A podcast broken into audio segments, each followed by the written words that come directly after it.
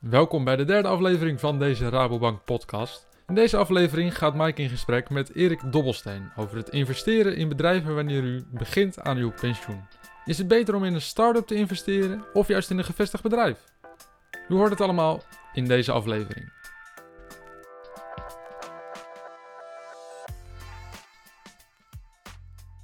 Aflevering 3 gaat over start-ups, een eh, mooi onderwerp. Ik zit hier met Erik Dobbelsteen, adviseur bij vermogensvraagstukken. Welkom Erik.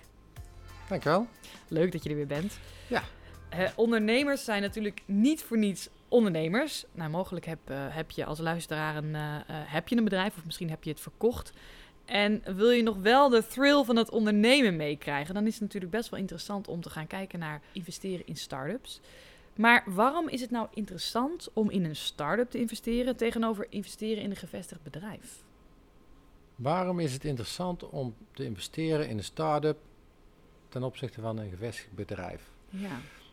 Dat is een goede vraag, maar het begint denk ik eerst met, eh, eh, ja kijk, ik, ik ben gesprekspartner bij eh, vermogende relaties, hè, die ik in de breedte adviseer bij alle, alle vraagstukken rondom dat vermogen. En, en, en belangrijk daarbij als allereerste is dat de basis goed is. Hè, dat, daarbij helpen met een vermogensplan, daarbij kijken van goh, hoe, eh, wat voor rol speelt nu het vermogen bij inkomen, bij uitgaven, bij bepaalde wensen en doelen die een klant heeft. Eh, en pas daarna ga je kijken van goh, hoe vullen we dan een stukje vermogen in. Mhm. Eh, en dat kan op heel veel verschillende manieren. En dan kom je ook bij de vraag van, goh, eh, investeer ik wat in een gevestigd bedrijf? Bijvoorbeeld eh, beleg ik wat eh, in een eh, aandeel op de beurs? Mhm. Of eh, investeer ik eh, in een start-up? Eh, ja, die hebben eh, beide wel hele specifieke kenmerken. Waarbij een, eh, een beursgenoteerde belegging in een groot gevestigd bedrijf natuurlijk hele snelle verhandelbaarheid biedt.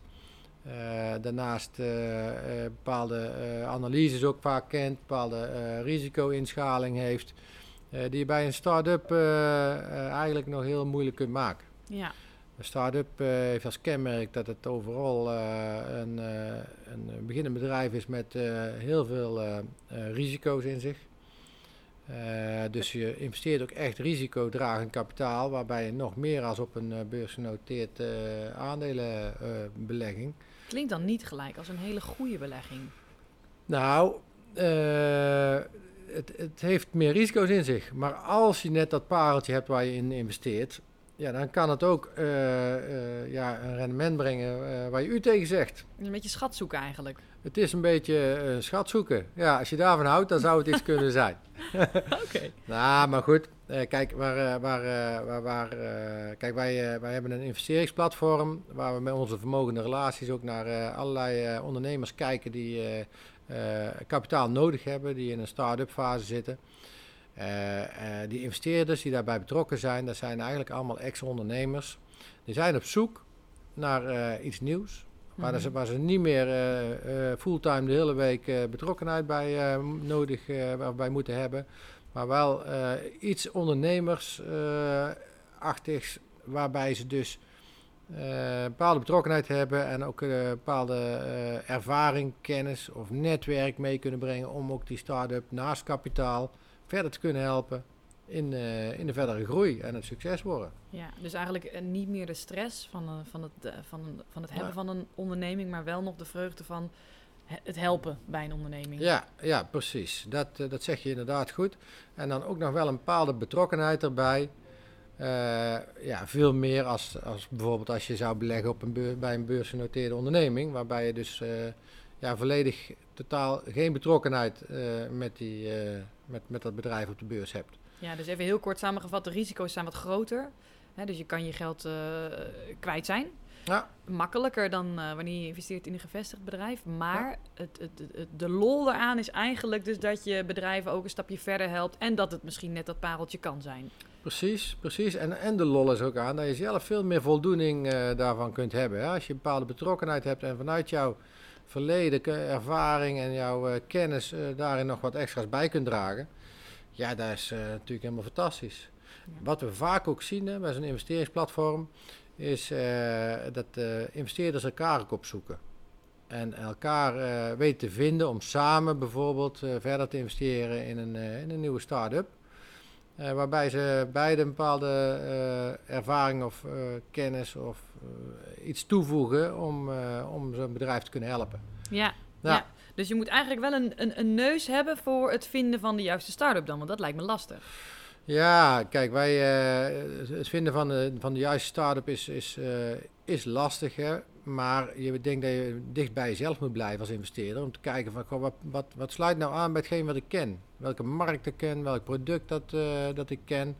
Eh, als je daar eh, wat meer gevoel bij kunt krijgen, kun je ook wat makkelijker beoordelen. Van hé, hey, maar hier, hier zit potentie en hier kan ik eh, iets aan bijdragen zodat het een succes wordt. Ja, je eigen kennis die vergroot eigenlijk de voorspelbaarheid van een, van een bedrijf. Juist, ja. ja. En dat maakt het ook leuker. Want als je investeert in een bedrijf waar je eigenlijk helemaal geen affiniteit mee hebt, ja, dan is het vaak ook moeilijker om daar ja, een bepaalde betrokkenheid bij te hebben en daar ook je plezier uit, te- uit, uit te halen. Hè? Want dat is eigenlijk ook een beetje het, het extra rendement wat je haalt bij zo'n investering. Ja, Het ja, plezier. Ja. ja. ja mooi. Ik, ehm, eh, ik stel me voor dat ik een, eh, een ondernemer ben eh, die net mijn bedrijf dan heeft verkocht. Mhm. En ik mis het natuurlijk wel een beetje, dus ik ga investeren in een start-up. Maar hoe, hoe, hoe pak ik dat aan? Waar begin ik? Dus behalve dus kijken van, oké, wat is mijn interesse en daar bedrijf bij zoeken. Maar ga ik gewoon zoeken? Wat, wat, waar vind ik start-ups? Ja, dat is, ja, dat, is- dat kan een hele zoektocht zijn. Maar er zijn echt eh, best veel platforms eh, waar, eh, waar start-ups zich presenteren. Ehm, eh, wij hebben er eentje waar we heel succesvol mee zijn, heel, heel actief mee zijn, waarbij we investeerders ongeveer twee keer in de maand bij elkaar brengen. Eh, met, met nieuwe start-ups die zich aangediend hebben. Nou, die start-ups die laten wij van tevoren uiteraard beoordelen, een stukje screenen eh, of dat ze voldoen aan de, aan de criteria en de voorwaarden die we daarvoor stellen om ze op ons platform te krijgen. Eh, en dan is het eigenlijk verder aan de investeerders hè, om, eh, om, om, om in te schatten van, goh, is dit voor mij? Kort even hoe dat het proces werkt bij ons. Eh, we nodigen de investeerders uit. Daarbij staat een hele korte profielschets van de, van de ondernemers die zich gaan presenteren. Mhm. Eh, als ze dan eh, op de bijeenkomst komen, de investeerders, dan krijgen ze eerst een, een, een drie of vijf minuten pitch van de ondernemer met wat, wat de onderneming is, wat voorstelt, wat de ambities zijn en welke vraag er is aan, aan kapitaal. Mhm. En aan, aan, daarnaast aan betrokkenheid of hulp. Eh, en dan kan een investeerder kijken van, wil ik verder in gesprek? En dan Ja. komt er vaak een, een, eh, een wat, wat uitgebreider gesprek met de geïnteresseerde investeerders. En tot slot eh, staan er dan een aantal investeerders op die zeggen van hier wil ik graag in meedoen. Ja, en, en Maar- heb, je, heb je eigenlijk standaard invloed op de bedrijfsvoering?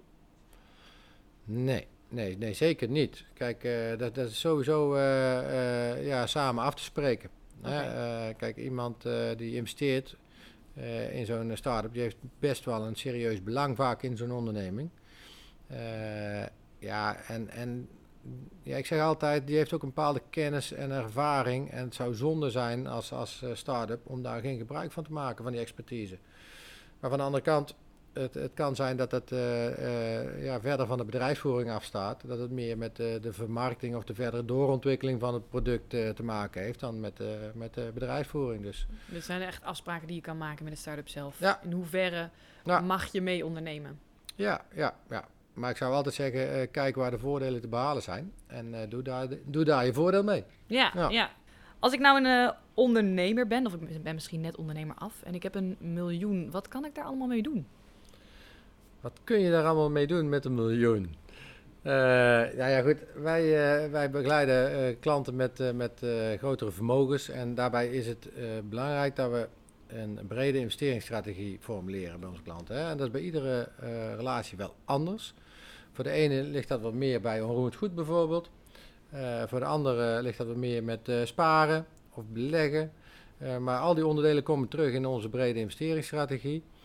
Eh, en uiteindelijk ja, eh, vraag ik altijd aan mijn relatie: van, wat, vind je nou, eh, wat ben je nou uiteindelijk bereiken? Vind je zelf leuk? En met veel ondernemers zie je wel dat ze ook wel willen blijven ondernemen. Nou, en daar is ook een stukje in onze investeringsstrategie waarbij we zeggen van goh, je zou een stuk kunnen ondernemen door te kunnen investeren in nieuwe ondernemingen of bestaande ondernemers. Dus om nog een beetje die ondernemersdrive aan te spreken. Ja, ja, ja, inderdaad. Hè. En dan kun je in, eh, in een bepaalde mate doen dat je daar ook je betrokkenheid bij houdt. Eh, je kunt lenen aan een ondernemer bijvoorbeeld. Dat je direct eh, leent onder bepaalde afspraken. Maar nog leuker is, is het om te participeren.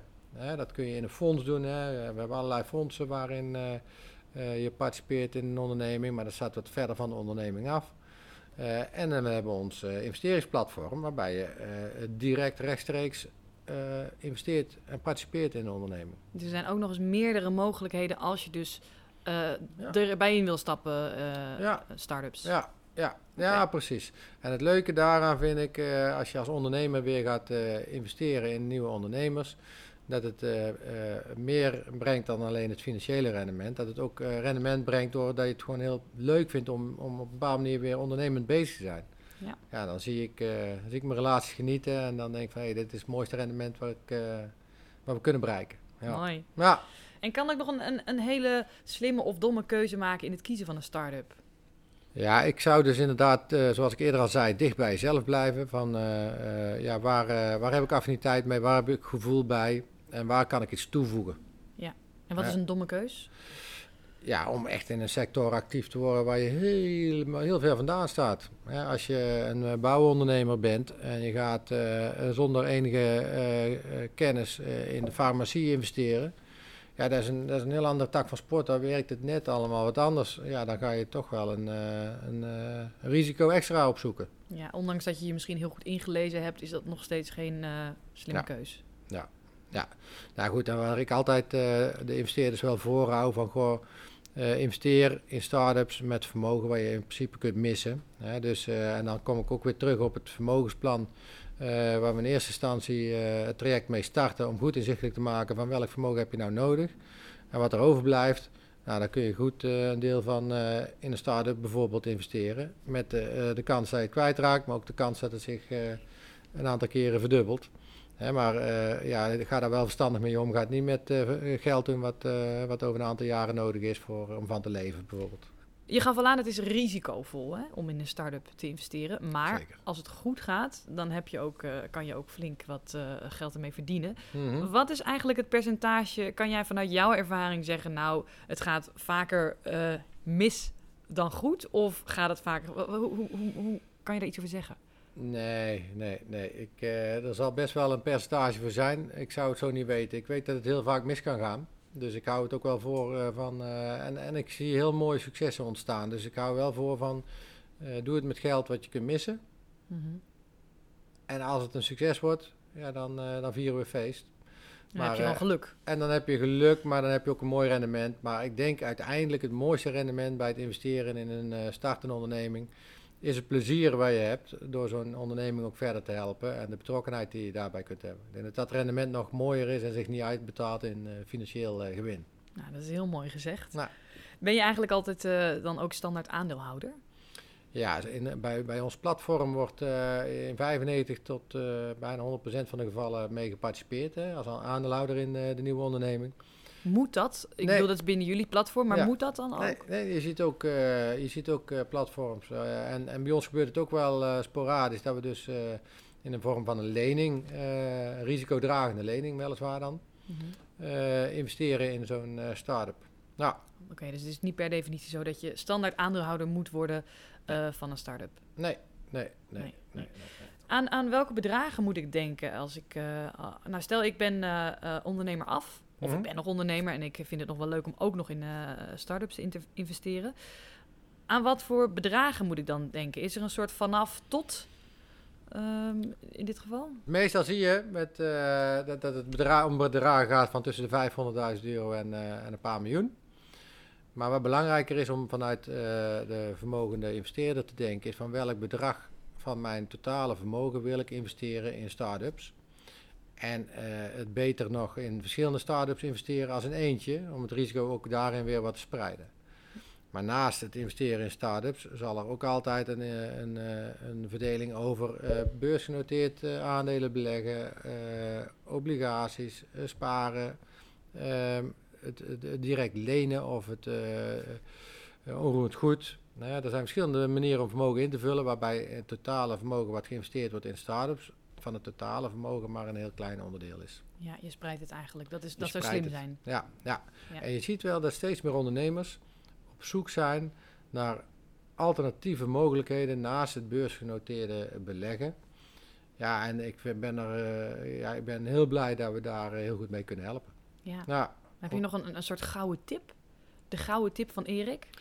Als ik een tip mag geven, uh, dan zou mijn tip zijn aan investeerders: uh, start met goede plannen en uh, maak een, een, duidelijke investeringsstrategie van hoe wil ik mijn vermogen verdelen. en kleur daarna pas in van welk gedeelte wil ik voor start-ups toedelen. En, en, en, kijk dan naar de start-ups die dichtbij je staan, waar je, waar, je, waar je begrijpt wat daar gebeurt. Dat je het product, de ontwikkeling kent, of dat je de sector kent, of dat je de de markt waarin het moet gebeuren kent, dat je op een bepaalde manier door je betrokkenheid ook uh, kunt helpen. Mooi. Ik heb nog wel een leuke vraag over, uh, je zegt uh, een start-up die dicht bij je staat. Even een vraag over of het ook te dicht bij je kan staan. Want um, stel nou, een, een, een relatie van mij is een, een, een nieuw bedrijf begonnen. Mm -hmm. En die heeft mij gevraagd om daarin te investeren. Is dat slim? Kan, is, is, is, is dat te dichtbij? Dat is een hele goede vraag. Ik, ik, uh, ik, ik hoor die vraag ook regelmatig bij mijn relaties terug. Hè, dat, uh, dat ze eigenlijk willen helpen. En dat, dat hoeft niet met een, uh, een start-up te zijn, maar het kan ook zijn met iemand die al, al langer aan het ondernemen is en even tijdelijk wat geld nodig heeft. Het kan ook gaan naar iemand die een onroerend goed, iets, iets, een woning of zo wil kopen. ik adviseer altijd van, goh, blijf het zakelijk zien. En uh, met uh, vrienden en kennissen moet je dat, uh, dat niet doen. Oké, okay, dus een harde nee. Een harde nee. Wat, wat, kijk, je ziet dat, ik zei net ook al, steeds meer vermogende klanten ook wel op zoek zijn naar alternatieven. Mm -hmm. En waar je ziet is dat het financieren van ondernemingen ook steeds meer, het direct financieren van ondernemingen ook steeds meer terugkomt. Waarbij banken over het algemeen toch uh, uh, ja, heel selectief zijn in wat ze wel en niet bankair willen financieren. Dat uh, ondernemers en investeerders bereid zijn om daar ook een stuk in te vullen van wat, wat bankair net niet lukt. Oké. Okay. Ja, en zo kunnen we daarin ook heel mooi de samenwerking zoeken met de bank die een gedeelte doet en de ondernemer die ook een stuk investeert. Ja, mooi. Ja. Um, mijn laatste vraag, we gaan dus alweer naar het einde ja. van deze aflevering toe. Maar stel dat ik um, uh, duurzaamheid belangrijk vind en ik wil graag investeren in een start-up die zich bijvoorbeeld richt op uh, uh, de circulaire economie. Mm -hmm. Is dat nog extra risicovol wanneer ik investeer in opkomende bedrijven rondom duurzaamheid? Of maakt dat niet zoveel uit? Ik denk dat het minder risico brengt, want duurzaamheid heeft de toekomst. binnen, binnen steeds meer bedrijven wordt duurzaamheid echt serieus omarmd. En ik denk dat je afgestraft wordt als je daar als bedrijf niet meegaat naar de toekomst. Dus ik denk als je daarin investeert, dat je kans van slagen alleen maar vergroot. Hoor ik hier nou een gouden tip? Dat is uh, een van de gouden tips die je gehoord hebt vanmiddag. Ja. Stel, ik ben ondernemer of ik ben ondernemer af en ik heb 1 miljoen. Ja. Wat kan ik daarmee doen? Wat zijn mijn opties? Wat kan ik doen met een miljoen? Ja, we hebben het al over gehad dat het eerst goed is om inzichtelijk te hebben van welk deel van het vermogen heb je nodig om lekker van te kunnen leven en de dingen te kunnen doen die je wilt doen. Als je daar inzichtelijk hebt en er blijft dan nog uh, over, hè, stel dat er ja. dan nog een miljoen overblijft, hè, dat, uh, dat maken we mee, dan, uh, ja, dan vind ik het belangrijk dat het goed ingevuld wordt en aansluit bij wat je zelf ook leuk vindt en belangrijk vindt. Mm -hmm. Natuurlijk zorgen wij altijd voor dat vermogen goed gespreid is over aandelen, over obligaties, over spaargeld, over onroerend goed en daarbinnen ook nog. Maar ik vind het eigenlijk nog veel belangrijker dat het ook bijdraagt aan wat je leuk vindt. Ja. en met veel ondernemers, ja, die vinden het leuk om toch een beetje te blijven ondernemen. Ja. Dus als die kunnen investeren uh, door uh, bijvoorbeeld een andere ondernemer vooruit te helpen, door hem te lenen of daarin te participeren, ja, dan zie je de, de ondernemerschap weer wat borrelen en daar, ja, daar geniet ik van. En wat zijn de opties als ik zou willen investeren in een start-up? Op welke manieren kan ik dat doen? Ja, kijk, wij, uh, welke opties zijn er? Uh, je kunt uh, ondernemers die kapitaal nodig hebben, kun je financieren. Hè, onder bepaalde voorwaarden en condities qua renteaflossing en bepaalde zekerheden kun je ze op die manier helpen. Dan leen je daadwerkelijk een gedeelte van het vermogen. of je kunt erop je kunt participeren. Dan word je mede-aanlouder, mede-eigenaar van een, van een onderneming.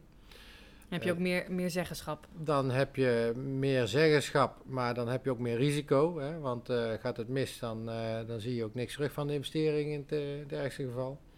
Waarbij je bij een lening toch vaak rente en aflossing afspreekt en bepaalde zekerheden ook overeen kunt komen. Dus daar zijn wel grote verschillen. maar het, het, participeren dat staat veel dichter bij het zelfstandig ondernemen dan dat je financiert. Dan ben je meer een bank. Dat is over het algemeen veel saaier voor ondernemers. Ja, dus de meeste ondernemers kiezen voor de tweede optie.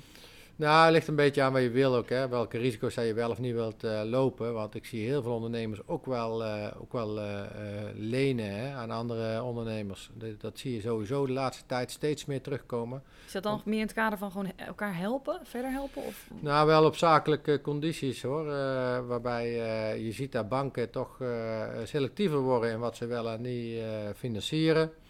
Uh, zie je ondernemers uh, vermogende relaties steeds vaker in dat gat uh, duiken om, om daarnaast ook een stuk te financieren. Ja, ik denk dat het ook alleen maar mooi is in deze tijd waar, ja, waar ondernemers toch vooruit geholpen moeten worden. Als het op die manier kan, dat je door andere ondernemers geholpen kunt worden met de financiering, ja, dan, dan is dat prachtig. Uh, als ze willen participeren, dan is het natuurlijk helemaal mooi. Uh, daarin kan nog meer de betrokkenheid en het ondernemerschap uh, van, van de investeerder zijn voordeel doen bij ja, de, de startende ondernemer. Nou, wij zijn aan het einde gekomen van deze aflevering. Bedankt voor alle gouden tips, Erik. Graag gedaan. Dat was leuk. En tot de volgende keer. Dankjewel. Tot de volgende keer.